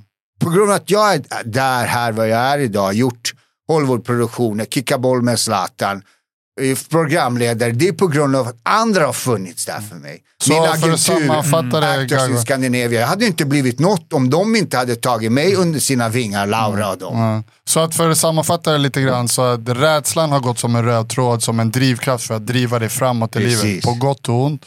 Men eh, också när du förstod det där med att så här, får, om någon annan sträcker ut handen så ska jag inte göra den människan besviken och jag i min tur kan sträcka ut en hand till någon annan. Exakt. Och där får vi igång någonting som liksom en, en positiv spiral. Jag sträcker ut en hand som sträcker ut en. Sen tycker jag att jag väldigt... tänker att, eh, bara förlåt, jag tänker att, eh, kan du inte berätta om den grejen då för att komma in på din stora revansch, du hade det här med idrotten som du har berättat och sen skådespelarkarriären. Då har du berättat en gång för mig tidigare hur det gick till och det sammanfattar lite grann de här grejerna tycker jag. För att Om jag minns rätt så var det en specifik situation där det var några andra som skulle provfilma. Du får rätta mig sen om jag Mm, har ja, fel. har helt. Eh, och du var egentligen inte där för att göra den här provfilmningen. Men sen var det någon som sa, Gago ska inte du testa också? Och då var du först rädd. Du Ja. tänkte, vad fan jag duger inte för det här. Jag, nej det vill inte jag göra. Så, nej men ta någon annan. Men sen så återigen, som har gått som en röd tråd i ditt liv, så övervann du rädslan, Exakt. kastade dig in i situationen. Och hade du inte gjort det där och då så hade du förmodligen inte alla de Nej. andra grejerna med alla stora. Berätta vad det var som hände så vi knyter ihop den det, delen. det var, det var uh, Josef Fares film Leo. Han höll på och gjorde en, han hade varit lite, inte gjort film, han var lite så här, okej, down på film. Så han hade fått eh, anslag att göra en film. Så han frågade mig, har du så här, äh, Malte presenterade mig, Malte Forsell presenterade mig för Josef. Och Josef sa, har du juggar, vi ska göra en film. Ja visst. Så jag tog ner juggar till mitt gym. Stora, korta, långa, starka, allt. Så de började provfilma. Han- Jag såg han var lite sen missnöjd. Jag sa till mig, ja, men ska inte du testa? Jag bara, nej, så det här är... Det påminner lite om tjuren Ferdinand. Ja, men det var så. Jag, jag, jag bara, nej, Josef, så det här är lite så här, jag skäms. Jag har ju alltid liksom varit väldigt blyg. När liksom alla vi hade dansgrupp, uh, Fittja Boogie, breakdansade, break. Jag dansade aldrig fast jag kunde göra volter och de försökte få mig att göra grejer. Jag bara, nej, nej, nej, jag vågar inte ens ställa mig typ fra- längst fram i ringen liksom. Så jag höll mig bara borta liksom. Och det har ju med osäkerheten hemma att göra, det där med blygheten. Och, så jag bara, nej, nej, nej. Så han bara, men testa en gång bara. Jag bara, vad ska jag göra liksom? Så han bara, gör bara som du skulle göra. I verkligheten. Ja. Och du var nervös. Och du vet, jag skakar, min, när jag blir nervös skakar min ena läpp. Så jag bara går mot den här killen och ska säga, han ska kaxa mot mig och jag ger honom en örfil och han har så här sköna, lite större kinder. Abbe. Så Och du ger honom alltså en riktig örfil? Ja, ja, så mina fingrar, jag tar bort mina, varje finger syns i hans Och, du hade säkert världens jäkla adrenalinpåslag, så det ja, blev så det extra var ju hårt alltså han, slag. Och sen tar jag han så här och bara skakar, darrar på läppen när jag pratar med honom. Och Josef bara, det var precis som förr. Han ska jag ha. Honom ska vi ha! Och inte mindre än en vecka sedan, så just om den scenen som sen blev en scen då i filmen, är jag med min son, träffar lite folk, så är det en kvinna där. Hon bara, jag kommer ihåg första filmen jag såg dig i. Det var Josef Fares, Leo. Och du gör den här scenen när du tar den här killen och tjejen hotar dem. Och jag blev så jag tänkte, den här äcken. Och exakt samma sak var det i biografen. Den är premiär på Stockholm Filmfestival. Jag sitter där och så sitter en massa skådespelare. Och vi vågar inte först sätta oss, det är så abonnerat så här. Så säger Daniel Espinosa till alla som sätter sig, "Ö, gå bort, det där är för dem. För han är ju så här, säger till vad han tycker och tänker. Så de flyttar sig, vi sätter sig bland dem, jag och den andra juggen, skådespelaren. Och börjar komma den där scenen och de bara, Uff, vilken vidrig jävla typ. Och jag bara sjunker ner, jag bara skäms. Josef bara, det här är bra. Ja, ja, då, Det spelar man, betyder- då gör man rollen Då riktigt gör bra. du bra Gag. Jag kommer in på festen. Folk går undan. Två tanter kommer fram. Vi tänkte när vi såg dig här. ah, Vilken vidrig typ. Vad gör du här?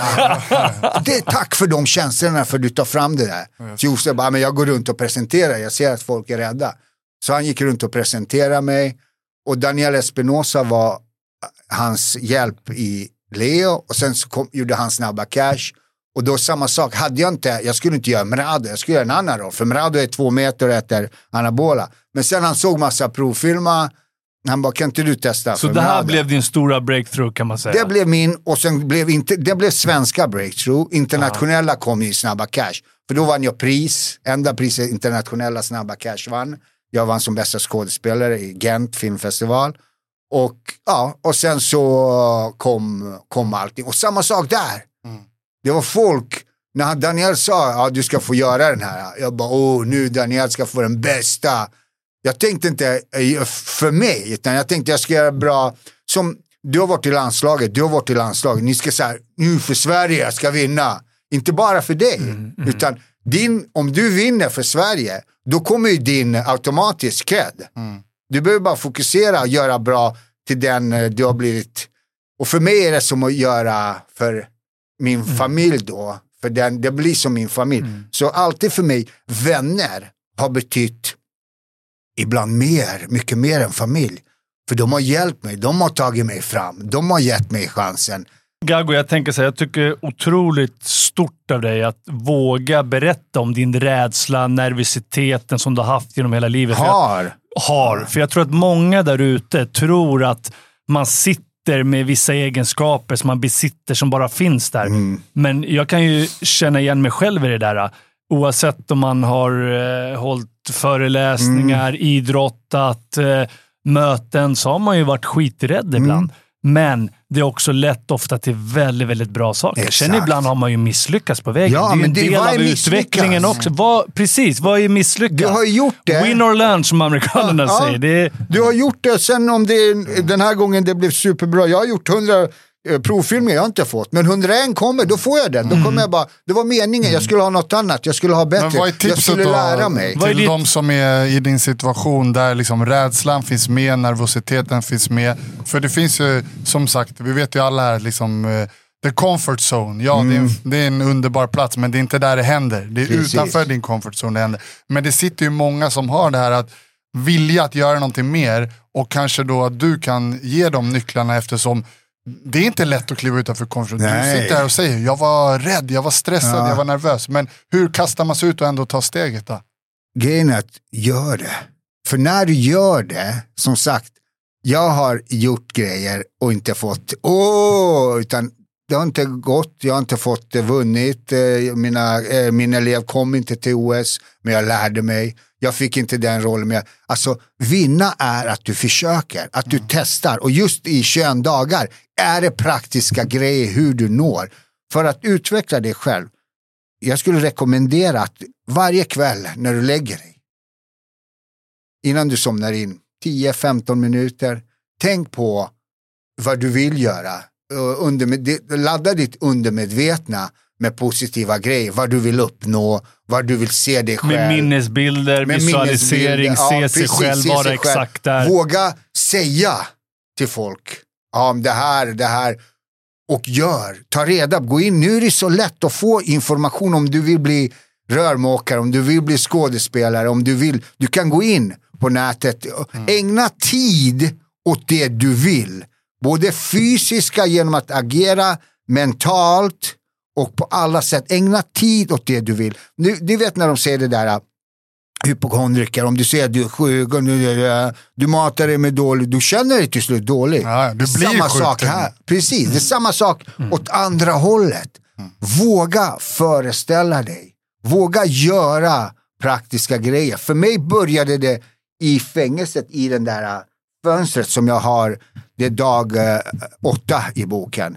Jag stod och föreställde mig utanför muren vad som, hur det kan vara, tänk åka på ett VM. Jag gick inte så långt som OS, men jag kom till OS. Jag kom ju inte under min tid som Under tränare. Sydney. Nej, OS i Sydney var du? Nej, Eller Aten var Nej, du? det var den Nej. jag skulle, men jag kom inte. Men jag kom 2016 till Ja, Brasilien. 2016 du var med. Just Var jag, kom jag tillbaka Okej, som mentor. Ja, De gjorde ett helt program, Made by Sweden. Och vet du hur stolt jag var? De gjorde ett program, Made by Sweden, och så jag. Alltså med Roman, eh, Då, då var det Nikisha misslyckades ni att ta er till Ja. Eller? Men Vi- sen kom du dit. eh, Vi lyckades inte, vi misslyckades inte med bra, något. Det är bra. Det är bra.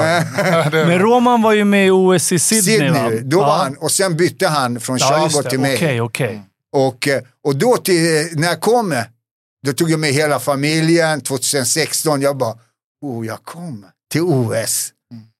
Tio år senare, Ja, tolv år resa, senare än jag resa. skulle, hade jag börjat tänka, men jag kom dit. Ja. Jag fortsatte att tro att det går, att det är möjligt.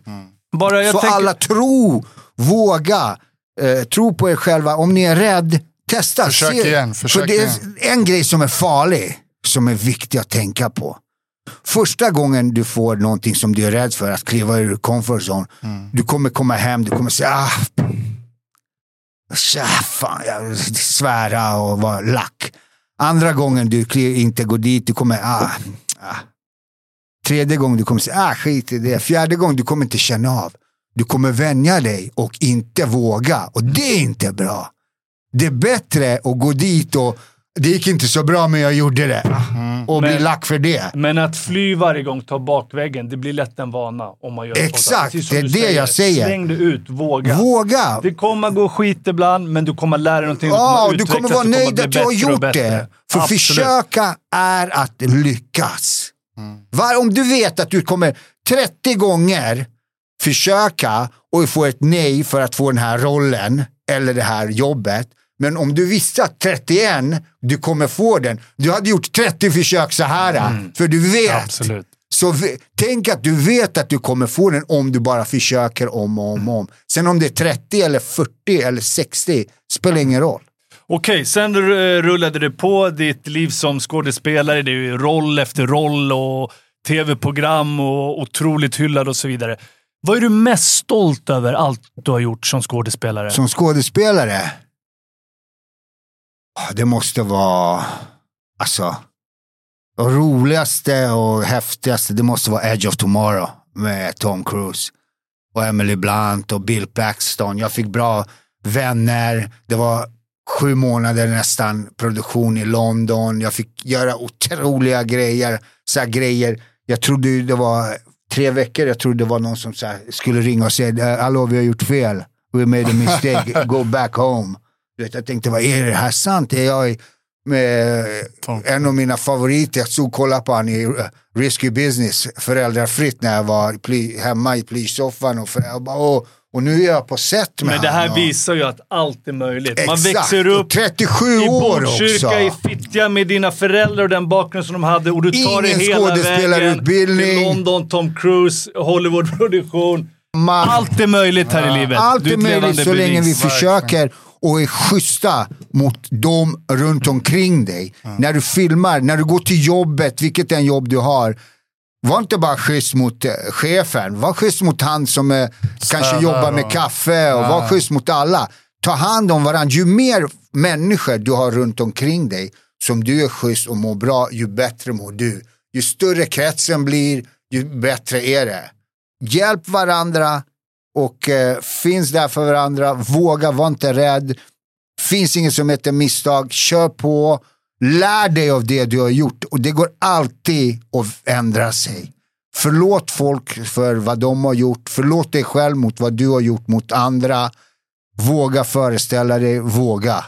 En fråga. Du har ju gjort, eller du har ju en vän som heter Zlatan Ibrahimovic Mm. och ni har gjort lite grejer tillsammans. Och, och hur, hur lärde ni känna varandra? Är det bakgrund och det serbiska lite, språket? li, ja, eller? lite. Vi är båda från Bosnien. Ja. Eh, och eh, idrottskille, han kom för när han var i Ajax. Jag vet inte hur Och älskar taekwondo också. Ja, han är taekwondo-kille. Ja. Han är värsta sparkarna. Men, Det och syns med hans ben också.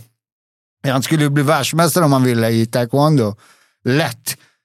Eh, och sen så, eh, en av de läskigaste grejerna, Idrottsgalan. Jag skulle dela ut bästa idrottsman för ett åtta, nio år sedan. Det tyckte jag också var obehagligt. Det var, jag hade tre veckor, jag försökte ducka, fyra Jag satt hemma. ju bredvid, Ah. han gick inte att få kontakt. Alltså du vet min mage, jag sa till min tjej, jag kan inte göra det. Ja, Alla det på det var ett annat etablissemang som du tyckte att du inte passade in massa idoler där nere och jag, ja, då, då var jag fortfarande Ja. inte så här. Kändiseliten jag bara, inom "Åh, nej, idrotten du vet, Det, det går inte det här.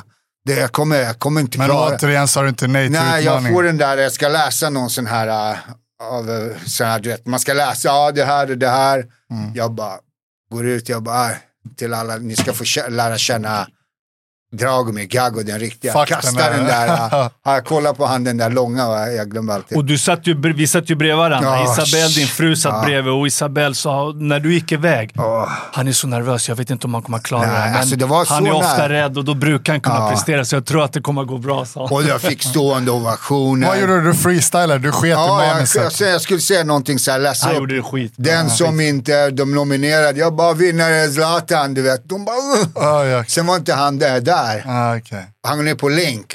Mm. Och då säger jag så här, äh, jag tar fram lite gamla gag och jag bara lyssnar på mig. Om jag är här, du ska vara här. Det funkar inte så med mig. Jag är inte någon av de här. äh.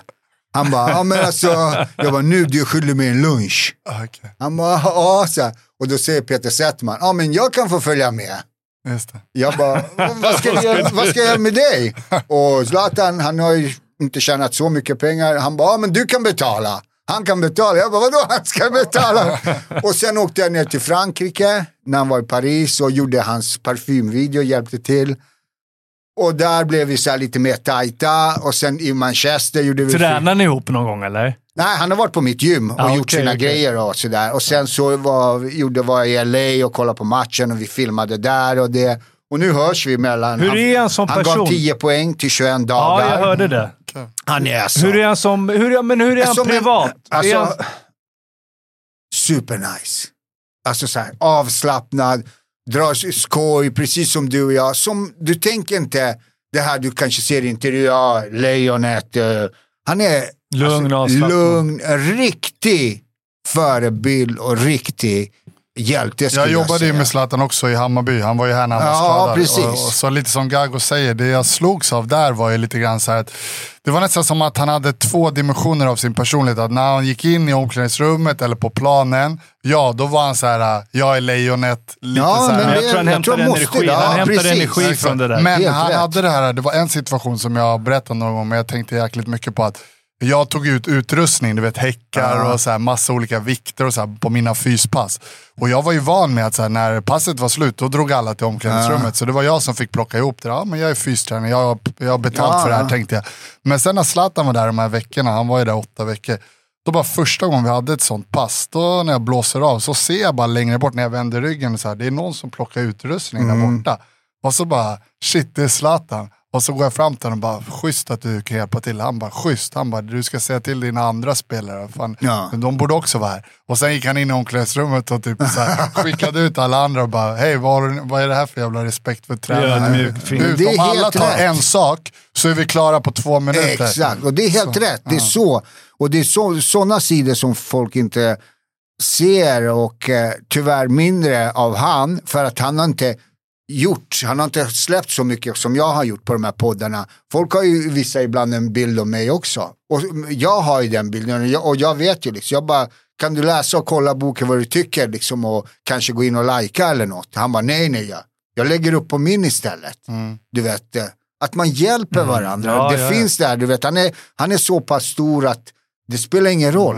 Vi det, vet ju att Zlatan gärna skulle vilja vara med i Brottarbröder podcast. Så vi Vet får du det? väl... Eh, annars får det vet vi. Nej, men det hade varit väl sjukt kul vi- att- Ja, det är klart. vi ska bjuda in honom. Ja, det hade varit sjukt Eh, kul om han kom.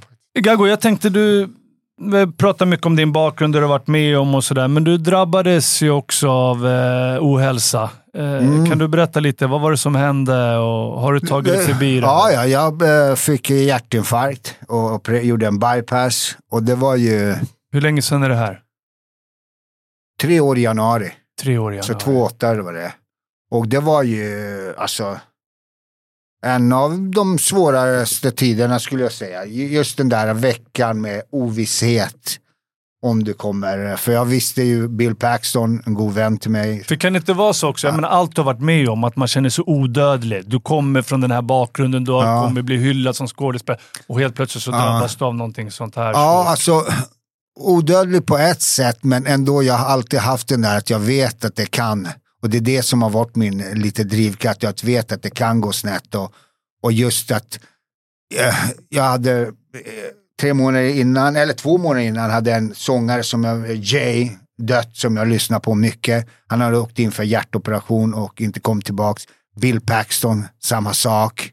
Så det var flera liksom som hade liksom, och jag tänkte, det kan drabba dem, det kan drabba mig. Var, Så- varför tror du du blev drabbad då? Är det mycket av den här Ja, det är stressen? stresset som- såklart, liksom från, från ungdomen. Jag har haft någon i släkten som har drabbats. Verkligheten kommer ikapp Ja, också. verkligheten kommer ikapp.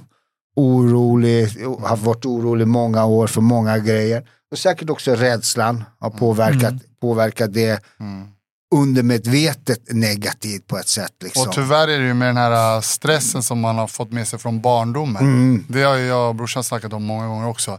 Att på något sätt, jag har jättemycket sömnproblem till exempel. Mm. Även om du så här, idag har ett liv som egentligen skulle kunna anses som stabilt och lugnt. Ja, ja. Så ligger den där, äh, det är som den där alltså, människan på savannen som hela tiden är orolig för att lejonet ska komma. Mm. Det går inte riktigt att ta bort den där inre stressen. Den är där liksom hela Ja, tiden. ja, ja, det är det.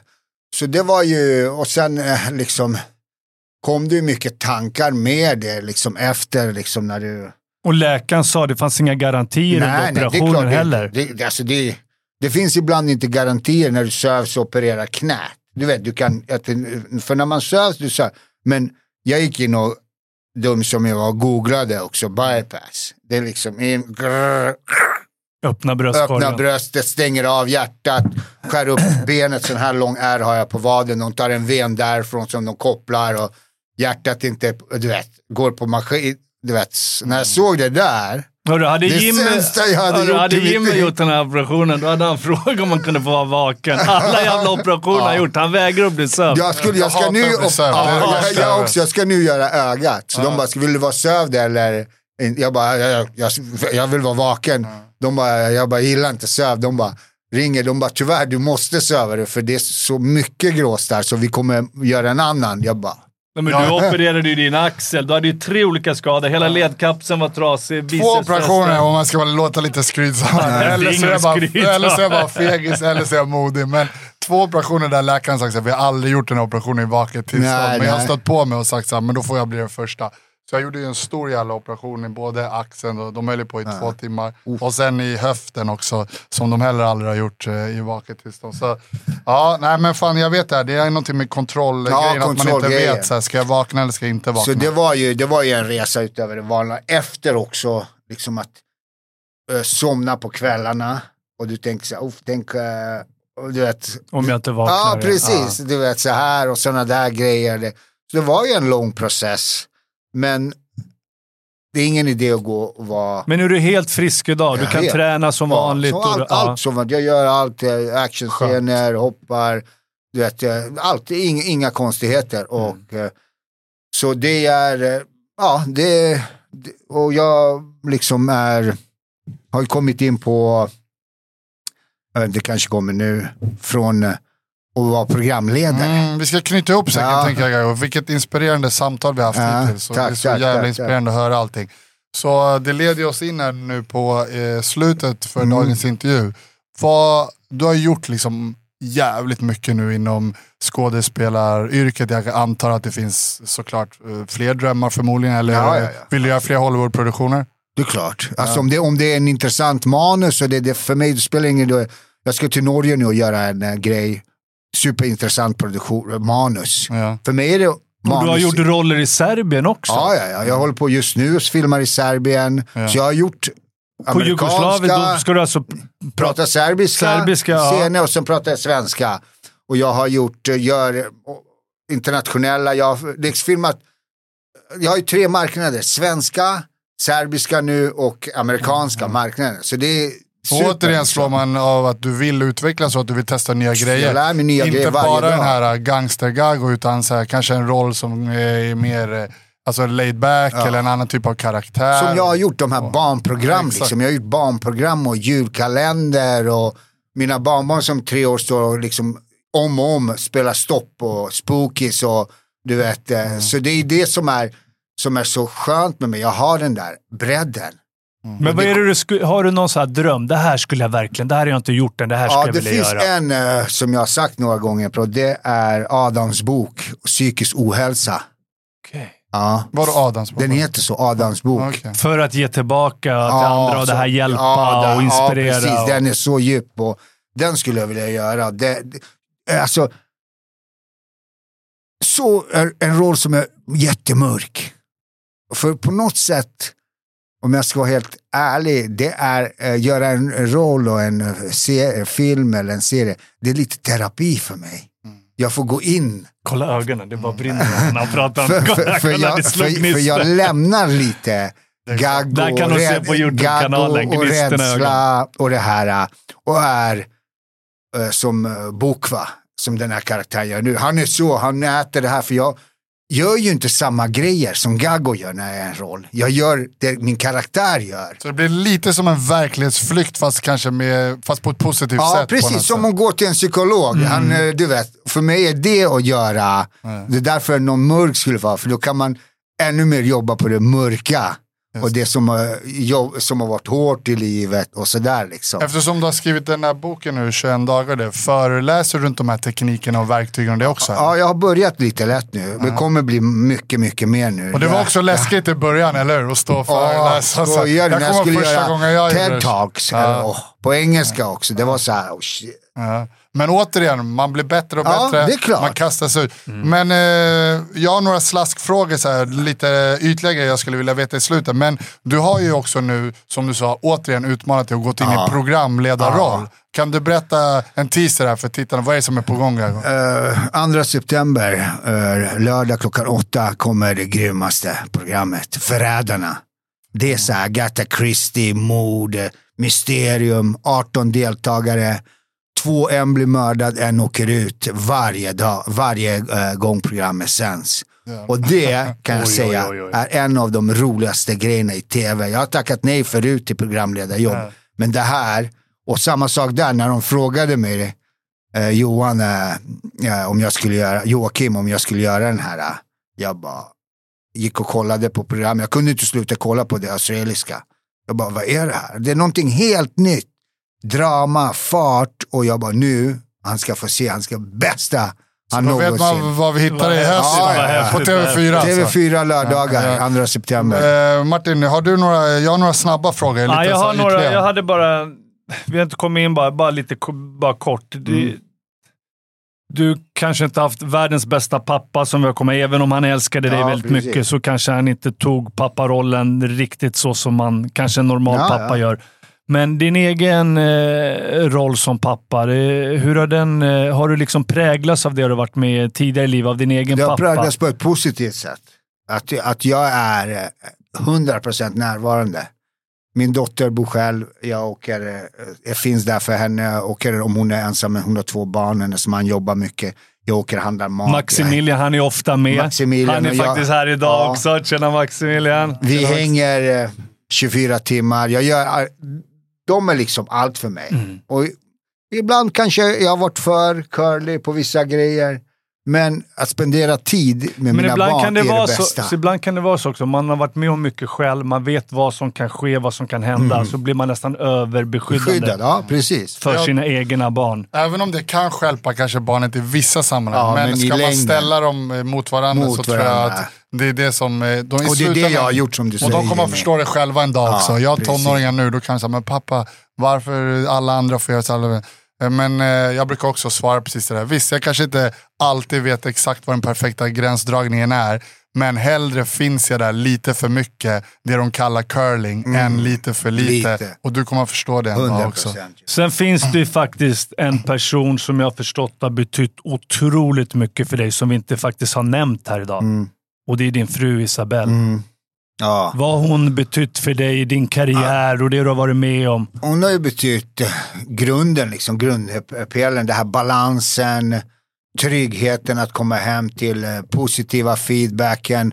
Du klarar av det här. eh, Hon ser mig i alla skikt och, eh, och tar emot mig med öppna armar, hur än jag är. Nervös, rädd, eh, hybris, vad än jag är så är hon, tar hon min rygg och pushar mig framåt. Har det funnits en rädsla där också, tänker jag? När du, efter di- din uppväxt, du har varit med om du har förlorat dina syskon, att även din familj ska gå i krasch. Har det funnits en Ja, sån? ja, det är klart. Och, det är och då har man ju liksom överreagerat på det. Jag har tänkt så här, jag kommer ihåg när hon kom till mig när jag satt i fängelse och sa så här, jag måste berätta en sak eh, sådär. Och, och jag trodde hon menade att hon skulle lämna mig. Jag bara, men jag förstår om du vill lämna mig. Och hon bara, va?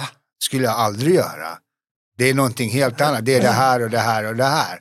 Hon, har liksom, hon är stommen i allting jag har gjort. Liksom. Det är som de säger det där, bakom varje framgångsrik man finns Ja, en det. tung kvinna, fast hon är kvinnan framför egentligen, men så är det. Så Jim hade några slaskfrågor här, Ja. men jag vill bara säga några ord om 21 dagar, din bok. Mm. Eh, Jag har ju läst den här, jag tycker den är otroligt inspirerande. Eh, Jag lärde mig själv väldigt, väldigt mycket, även om jag föreläser själv en hel del om det här.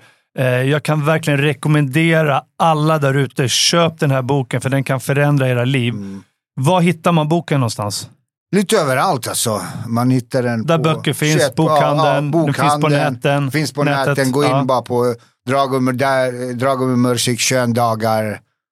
.se så kommer all info. Det är som jag sa förut innan. Vill ni någonting, det är så lätt för att få information. Gå in på er telefon, alla har Google. Skriv det ni vill. Skriv 21 dagar med Dragomir För vem är boken? För alla som vill förändra sitt liv eller för du har varit ungdomar? Eller? Nej, för alla. Spelar ingen roll om du har varit världsmästare, gjort Hollywoodroller, du är 15 år, behöver inspiration. Du, vilken en position du är. Jag läser den. Och framförallt tycker jag alla som vill göra en förändring i sitt liv. De framförallt, de som vill göra förändring och de som vill vara kvar i sin... eh, Där. Självutveckling, man blir aldrig fullärd i Ja, man blir, själva. all- den som tror att han är Man fullärd. kan lära sig någonting av alla. Ja, ja och, man, och man lär sig någonting varje dag man är smart. Ja. Drago, eh, Dragomir, vi har ju vad heter det, pratat ganska högt och lågt här idag. Mm. Mycket djupt, väldigt fint samtal som sagt.